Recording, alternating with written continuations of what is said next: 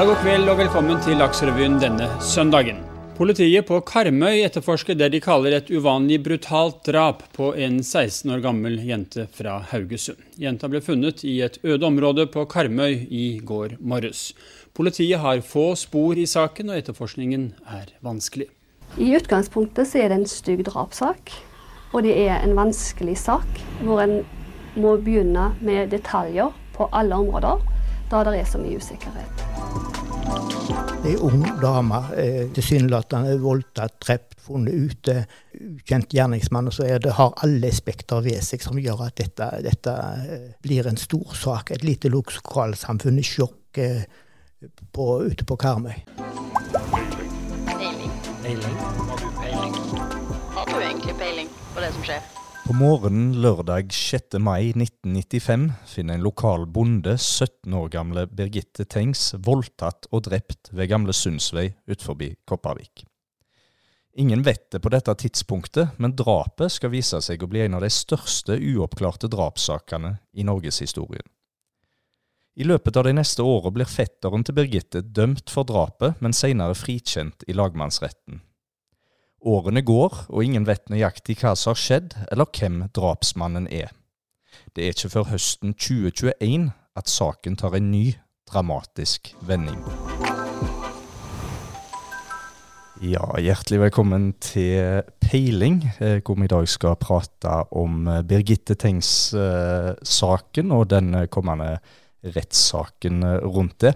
Jeg heter Marius Samdal Haugen og er journalist i Haugesunds Avis, og har i dag fått med meg en tidligere journalist og, og krimreporter i Haugesunds Avis, Jon Arne Bauge. Velkommen til deg. Jo, takk.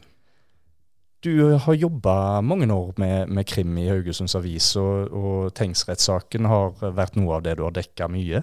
Kan du ta oss tilbake til den maidagen for, for 27 år siden, sånn som du opplevde det?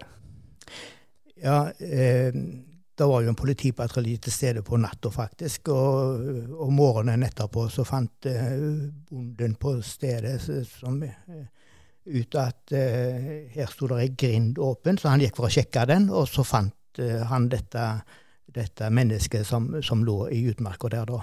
Uh, og da ble det jo slått stor alarm med en gang, selvfølgelig. Lokalt politi rykka ut og sikra åsted, og Kripos ble tilkalt, og i det hele tatt så ble det en stor sak helt fra første stund av.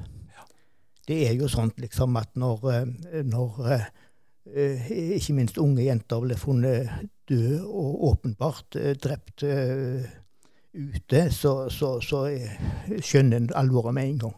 Mm. Og Det var aldri, aldri noen tvil om hva dette var for noe. Hvor tidlig var mediene på saken?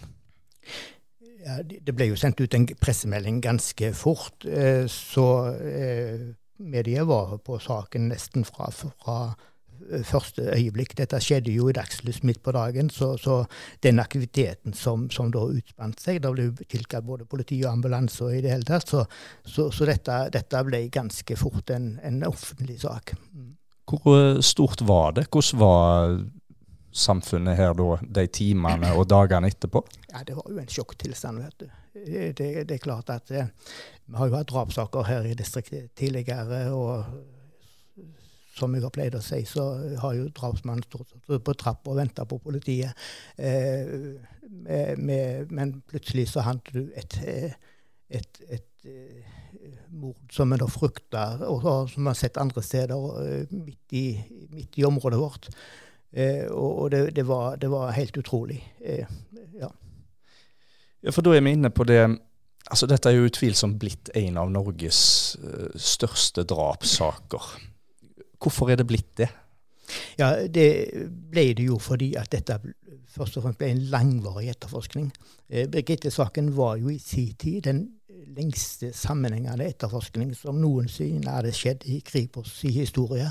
Eh, den gikk jo over flere år. Eh, og så var det disse momentene som jeg allerede var inne på, at ei ung dame eh, tilsynelatende voldtatt, drept, funnet ute uh, ukjent gjerningsmann. Og så det, har alle spekter ved seg som gjør at dette, dette blir en stor sak. Et lite lokalsamfunn i sjokk. På, ute på Karmøy. Og, og for så vidt større distrikt. Rett og slett vanvittig mange ubesvarte spørsmål helt fra starten av? Ja, det var jo det. En, en, en, visste jo ikke annet enn at der lå jenter. Og så måtte en da begynne dette her møysommelige arbeidet med å spole tilbake. Hvor har du vært hen, osv. Så alt sånt var jo veldig, veldig klart ganske tidlig. For jeg hadde vært på bedehuset på Avaldsnes på, på noe skuespill der. og eh, Snart ble det jo avklart at du hadde fått haik til Kopervik, men, men, så ble det vanskelig. Hvor ble jo av etter Kopervik? For mediene, opplevde dere at politiet da eh, hadde noe å gå etter, eller var det helt åpent? Det var jo helt åpent, eh, men, men det skjedde jo ting som gjorde at, at Eh, en skulle tro det kom en rask avklaring. Daværende politimester Per Kleverud eh, lot jo ganske tydelig skinne gjennom at man hadde en mistenkt eh, allerede første uka. Eh, og, og, den mistenkte den uh, gang var jo fetteren som, som da ble tiltalt et par år etterpå. Mm. Men det var et vakuum der, eh, hvor en ikke hadde noen som hadde noe formell status eh, i saken. Ja, det var jo, det var jo halvannet år der hvor, hvor en eh, bokstavelig talt famla i blinde. Kan godt bruke det ordet der. Eh, fordi at eh, en, en, skjønte jo ikke ut ifra alt det arbeidet som var gjort, hvordan, eh, hvor de skulle finne en drapsmann med lyst, langt hår. Uh, og det, det, var jo, det, var jo, rett og slett fordi det var feil. Eh, det, det var ikke noen drapsmann med lyst, langt hår. For dette håret som de da hadde basert hele etterforskningen på, det var jo Birgitte sitt eget, fant de ut etter hvert.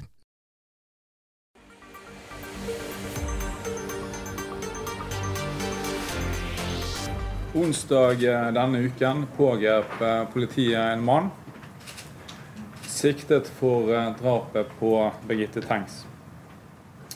Mannen er 50-årene og bosatt på Haugalandet. Fredag 3.9.2021 kommer den sjokkerende nyheten. Etter alle disse åra har politiet sikta en mann i 50-åra fra Karmøy for drapet på Birgitte Tengs. Jeg var, jeg var, jeg var på hytta i Sveio og jobba med helt uh, andre ting. Når, når jeg uh, tilfeldigvis hørte på radio eh, en nyhetssending. De brøt inn i en nyhetssending og sa at det var, det var arrestert en kar i forbindelse med, med dette drapet. Eh, og det første som gikk gjennom hodet mitt da, det var jo å, å, å spole tilbake på, på, hvem kunne dette være. Eh, altså eh, det var jo en del aktuelle personer som det var pekt på gjennom, gjennom eh, den lange etterforskningen. Eh, og eh, og senere bøker etter rettssakene så, så, var det jo spilt inn nye folk og pekt på nye personer som, som da burde sjekkes. Så, så jeg, jeg, spolte gjennom alt dette og, og, og fabulerte over eh, hvem kunne dette, dette være. Uh, ja. ja. Kom du fram til det på egen hånd? Ja, jeg, jeg, kom ikke fram til én person, men, jeg, men jeg, jeg, hadde en to-tre stykker da, som jeg tenkte at det, det må være en av dem. fordi at de første meldingene jeg fikk, var jo ikke, uh, var jo ikke så detaljerte at det, det ga meg mye om, om, uh, om dette. Men jeg forsto jo ganske snart at det var jo en som hadde vært i saken tidligere. Uh, og, og, dermed så, så var det ikke fryktelig mange å velge mellom, men, men et visst antall var det jo faktisk. som som, som hun da hadde om igjen og om igjen snakket om. Disse var ikke sjekka skikkelig ut av saken. Uh, For denne Karmøy-mannen i, i 50-åra hadde vært innom politiets søkelys uh, relativt tidlig. Hva, hva, skjedde den gangen med han? Ja, hva skjedde med han? Uh, politiet fikk jo tips om han allerede etter fire dager etter drapet. Eh, og, da var det en, hans egen psykolog som varsla om at hun hadde vært utsatt for et, et overgrep fra han eh, tidligere. Eh, og, og, og, denne eh, Birgitte-saken eh, passet jo veldig godt inn i det som hun hadde opplevd den gangen, følte hun. Eh, dagen etterpå så, så var det en lensmannsbetjent i Karmøy som eh, var en del av det etterforskningsteamet som var satt ned, som òg spilte inn dette navnet. For han, han eh, var jo fra samme bygda som, som denne mannen, og eh, kjente han veldig godt. Hadde avhørt han mange ganger tidligere. Så han spilte han òg inn. Og, og, og, etter hvert så kom jo lensmannen sjøl eh, med tips om at denne mannen måtte sjekkes. Så, så det var all grunn til, til, at politiet skulle sjekke opp denne, denne karen. Eh, men, men, det ble liggende, altså. Ja, øh, hvorfor det? Eh, ja, hvorfor det? Eh, jeg, jeg, har sett et Eh, notat, et tips, eh, hvor, hvor Ståle Finstad, som leder etterforskningen, har skrevet 'vent' på, på uh, dette tipset. Og Bakgrunnen for at han skrev 'vent' på det, det var at han så for seg at han fremdeles satt og sonte en dom fra, fra dette overgrepet på den psykologen som jeg nettopp nevnte. Eh, og, dermed så kunne en se på dette siden. Det, det var ikke, dette var jo bare dager etter drapet, så, så politiet hadde jo plenty å gjøre. Så, så en viss prioritering måtte en selvfølgelig gjøre. Så han la det til sides litt og sa at dette, dette skulle en vente litt med. Men, men, den ventingen ble ganske langvarig, altså. For det gikk, det gikk eh, sju, åtte, ni måneder før han ble innkalt eh, til, til, til det avhøret. Hvem var han? Hva visste en om han fra tidligere?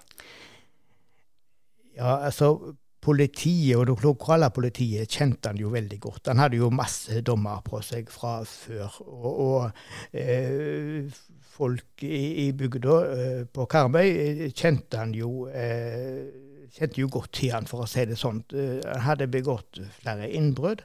Han, han var kjent av politiet for en del blotte episoder.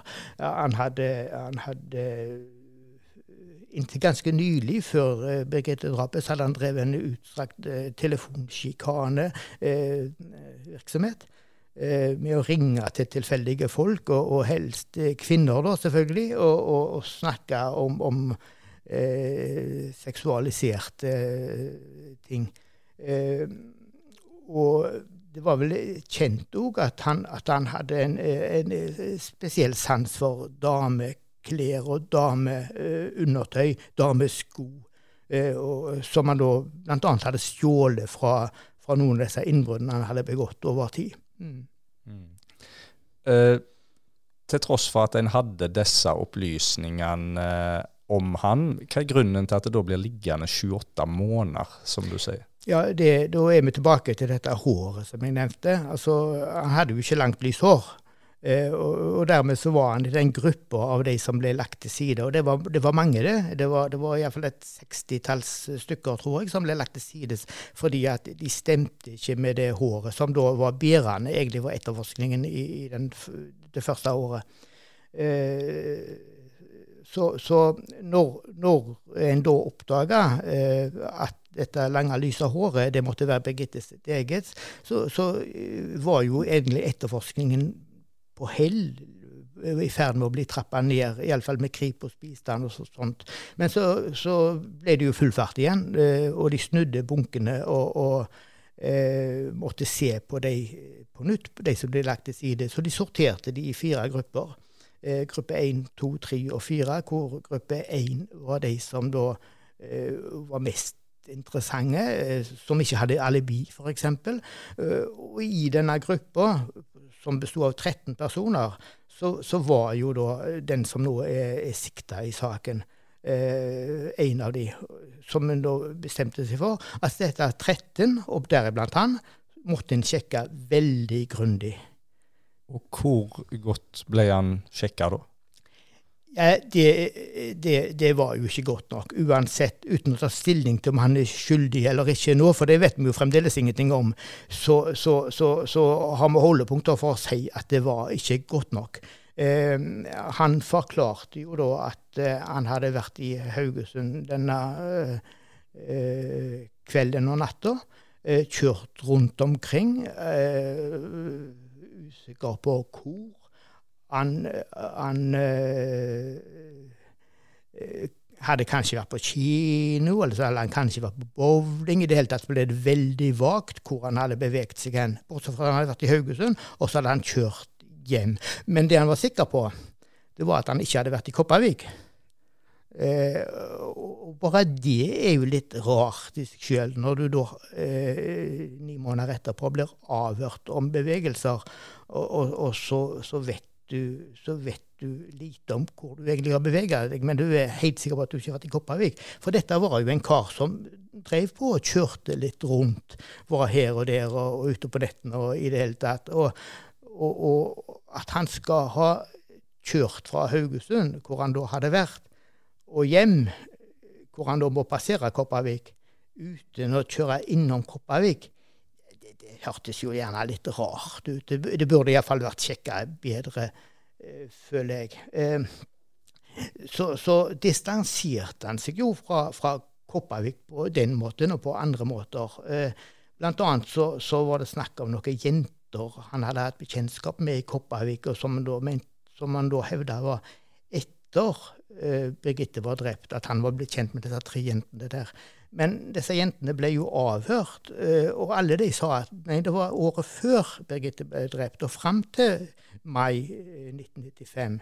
Eh, eh, og likevel sto politiet fast på at denne kjennskapen hans til Kopervik, den var, den var etter Birgitte ble drept. Og det, det, ble ikke godt nok avklart, altså. Så var det jo sånn at han distanserte seg på samme måte fra, fra Sundsveien. Eh, han hadde jo hatt en jobb på Kvalvåg og kjørt, eh, kjørt dit mange ganger uh, bedyra nå i avhøret at han kjørte Kvalavågsveien dit. Og det er jo seks kilometer lenger enn om han hadde kjørt Sundsveien. Men det var ikke tale om om han kjente til noe Sundsvei og greier. og Han distanserte seg veldig om det. Og dette er jo alarmklokker som i en sånn sak som dette burde, burde eh, ringe. Og i hvert fall når de da har ei gruppe på 13 personer som skal sjekkes grundig inn eller ut av saken, så, så, så, så, tenker jeg at dette er ikke godt nok, altså. Og så havner politiet altså inn på et helt annet spor. Uh, og det er da vi kommer inn på fetteren. Hva er det som skjer der? Det som, det som er veldig interessant, er jo at inntil den dagen så hadde jo politiet vært overbevist om at drapsmannen eh, disponerte bil, og at Birgitte ble kjørt til åstedet i en bil. De var sikre på det, hadde de uttalt eh, ved flere anledninger.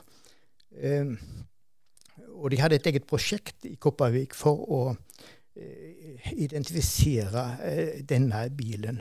Fordi det var jo flere som hadde sett den, eller sett en bil som, som Eh, var veldig interessant etter hvert. Eh, nemlig eh, i slutten av hovedgata, der et vitne som hadde gått i klassen med Birgitte, hadde sett henne den natta like etter midnatt. Og det var den siste sikre observasjonen av Birgitte. Så forsvant hun. Umiddelbart etterpå så var det en bil Eh, som kjørte i stor fart i, gamle, i Øygardsveien, som er direkte eh, forlengelsen av gamle Sundsvei, eh, altså motorstedet. Så politiet ble nok ganske sikre etter hvert på at det var sånn Birgitte hadde kommet ut av Kopervik. For, for, ingen andre vitner hadde sett henne underveis. Men likevel uh, så forkaster de da dette med bilen uh, i det fetteren trekkes lenger inn i etterforskningen, for han var ute på sykkel? Han var ute på sykkel. Eh, og, og, det er det som er så eiendommelig, at de, de, er sikre på at sånn og sånn, dette må være drapsmannen. Så finner de han ikke, og så, så, velger de et helt annet spor.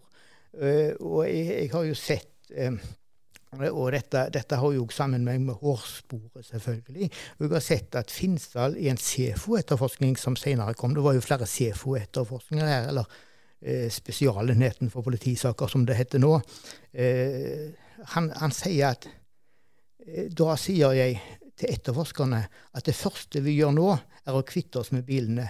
Gjøre oss ferdig med det, glemme bilsporet, få lagt det bak oss og gå på andre ting. For nå, holdt vi på med dette, nå har vi holdt på med dette for lenge. Det er vel på en måte eh, tyder på at vi er på feil spor, sier han. Så over natta i januar 1997 så legger de vekk det bilsporet de har vært sikre på, og så, og så går de på en som har eh, sykla hjem. Vil si, de tror ikke han har sykla hjem, men, men, at han har eh, satt sykkelen fra seg, og så har han uh, fulgt Birgitte til fots hjem. Og så har uh, det skjedd, og så har han gått tilbake senere på natta og henta sykkelen sin. I oktober 1997 blir det tatt ut tiltale mot fetteren til Birgitte, og han blir i herredsretten dømt til 14 års fengsel for drapet. I juni året etter blir han frifunnet av lagmannsretten. På det tidspunktet har han sittet varetektsfengsla i 495 dager. I 2016 bestemmer Kripos i Cold Case-gruppa seg for å se på saken på nytt, og gjør det etter hvert klinkende klart. Fetteren er ikke mistenkt. Birgitte-saken var såpass sentral i, i, avgjørelsen for opprettelsen av den gruppa at det blir den første saken som de velger å se på. Uh, og I første omgang så, så, bestemmer de seg for å få se gjennom dokumentene, se om det er et potensial for oppklaring i denne saken. Det bruker de et år på. Så kommer de tilbake og sier at ja, her er det flere ting som ikke er godt nok. Uh, de, de, de, de, ser at det er folk som ikke er eh, sjekka godt nok ut av saken. De ser at det er digitale spor som ikke er undersøkt. Uh, og de, de, ser ikke minst at her er det masse uh, muligheter for å ta uh, nye DNA-prøver med ny teknologi. Eh, og disse tingene mener de bør ikke stå uprøvd, så vi anbefaler eh, Sør-Vest politidistrikt, som det var blitt da, eh, om å, om å, starte en ny etterforskning. Det er jo det er politimesteren i Stavanger som formelt sett må ta stilling til om dette skal gjøres eller ikke. Og, og det skjer jo. Ja. Det eh, skjer, og etter en lengre etterforskning så ender vi altså der i uh, september i fjor at uh, denne 50-åringen blir sikta.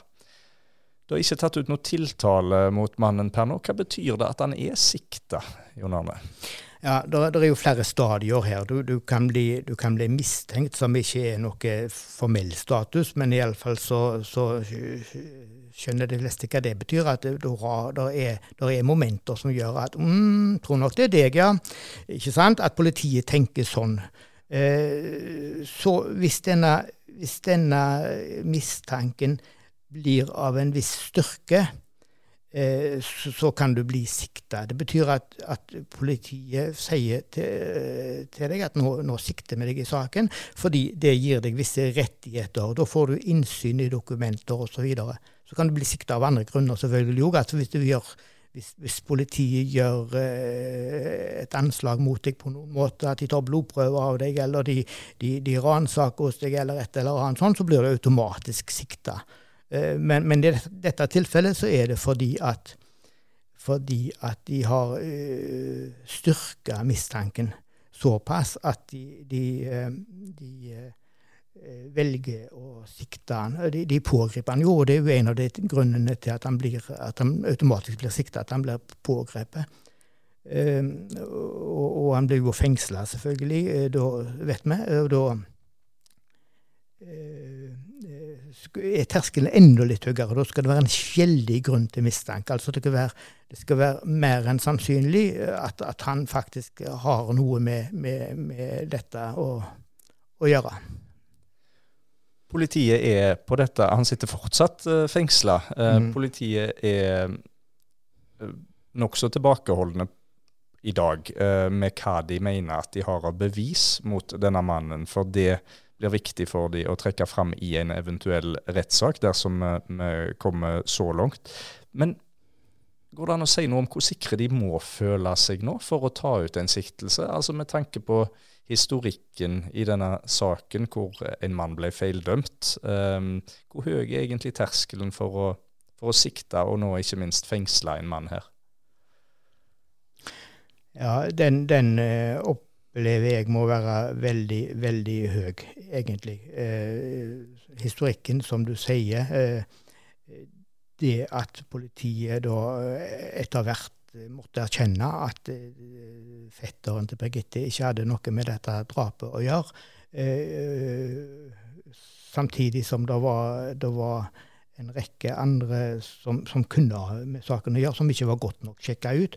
Alt dette gjør at, at politiet ikke kan, ikke kan, oppleve det en gang til. At både at de tar feil mann, eh, eller at, eh, at eh, forsvarerne kommer og peker på her er fremdeles folk som kan ha gjort dette, som ikke er, er sjekka ut av saken. Så, så er det, jeg er overbevist om at politiet har gjort et usedvanlig grundig arbeid Eh, for å sjekke ut det som kan sjekkes ut så lang tid etterpå som, som det nå har gått. altså. Og det med at det har gått så lang tid, eh, hvor vanskelig blir etterforskningen med tanke på beviser og sånt, når vi altså har lagt bak oss nesten 30 år nå siden eh, drapet? Ja, Det er klart at deler av dette blir svært vanskelig. For husken vår den, den, eh, den reduseres jo for hver dag som går eh, etterpå. og Da snakker vi ikke om år, men, men dager, sånn sett. Eh, så, sånn at vitneforklaringer og, og, og, nye tips og opplysninger om dette eh, skal vel godt gjøres å få, få bekrefta og, og med, med nødvendig sikkerhet eh, så lenge etterpå. Eh, men, men, det de kan gjøre, eh, det er jo å, å, sjekke digitale spor, i den grad disse er tilgjengelige fremdeles. Eh, vi legger jo fra oss digitale spor overalt, eh, og det eh, gjorde det i stor grad òg i, i, 1995. Eh, alt sånt kan sjekkes opp mot eh, f.eks. De, de personene som da har vært aktuelle her, som ikke var godt nok sjekka ut av saken. Eh, men så er det òg masse, eh, som var inne på, eh, spor som kan sjekkes for, for DNA, bl.a. Og jeg har jo inntrykk av at det er akkurat der eh, det avgjørende, avgjørende sporet har kommet i denne saken. Det, det, har, vel, det har vel vært sagt nokså klart at politiet har et DNA-funn eh, på ei strømpebukse eh, som Birgitte hadde på seg denne dagen, som, som kan tilskrives eh, den som nå er sikta i saken. Men, men, men der er, der er, der er, det er det vi vet. Det er, masse, masse, spørsmål omkring dette, og det er absolutt rom for, eh, for å, å, være årvåken for at vi eh, kan stå i samme situasjon som sist, at vi har feil gjerningsmann. Når vi sitter her og prater, så er mm, rettssaken eh, rundt drapet på Birgitte Tengs, altså mot eh, den nye sikta, eh, dersom det skulle bli en rettssak. Den er forhåndsberamma til slutten av oktober, alternativt eh, midten av november. Hva kan vi vente oss av en sånn rettssak denne gang? Ja, det kommer jo til å følge øh, øh rett, rettens gang på en eh, vanlig måte. Den antageligvis. Det er jo satt av så vidt jeg vet, seks uker til dette. Tolv er vel eh, Er det tolv nå? Tolv uker ja, ja, se her. Dobla seg. OK. Uh, Iallfall så, så innebærer det at her, her må en gå grundig til verks. Og, og noe av bakgrunnen i det ligger jo at til siktede, altså den tiltalte, hvis det blir en rettssak, ikke, ikke har tilstått noen befatning med, med Birgitte Tengs. Dermed så må påtalemyndigheten bygge opp saken helt fra bunnen av. De må bevise eh, eh, at det som, denne tiltalen som de da eventuelt tar ut, eh, er riktig. Eh, og at det, er den som sitter på tiltalebenken som har, som har, gjort dette. Det betyr at de må føre vitner. altså de, de, må føre om igjen mange av de samme vitnene som de gjorde i Birgitte-saken. Eh, Iallfall de som da passer inn i det som, eh, det som eh, blir, blir, den tenkte rammen omkring handlingsmønsteret til den nye tiltalte. Og, og så må de, så må de føre masse sakkyndige, antageligvis. Eh, og Birgitte-saken er jo spesiell på den måten at det, det, er ingen annen norsk straffesak som har hatt så mye forskjellige sakkyndige på så mange forskjellige felter som, som denne saken. Eh, og, og eh, ut ifra det vi har snakka om, så, så, vil jo sakkyndige innenfor DNA-analyse være, være nokså sentrale, tror jeg, i denne saken. Mm. Hvis en nå går gjennom, si det blir tolv uker med rettssak, um, vi kommer ut på andre sida, ingen blir uh, dømt. Eventuelt at han blir dømt i tingretten, anke til lagmannsretten og blir frikjent der. Hvor uh, står vi hen da, hvis, vi, hvis det ennå ikke er noen dømt uh, drapsmann etter drapet på Birgitte Tengs? Ja, eh, da er jeg redd for at vi, vi, vi står overfor et drap som, som eh, og et traume i lokalsamfunnet her som, som, kommer til å leve videre i alle år. Da, eh, da, da det, var, det, var, nok siste gangen eh, politiet gjennomførte en grundig etterforskning av Birgitte-saken i denne runden, tror jeg. Med mindre det kommer helt uoppfordra helt nye opplysninger. at det er en som tilstår på, på, på dødsleiet. Hva det var det som jeg hører om av og til, ikke sant?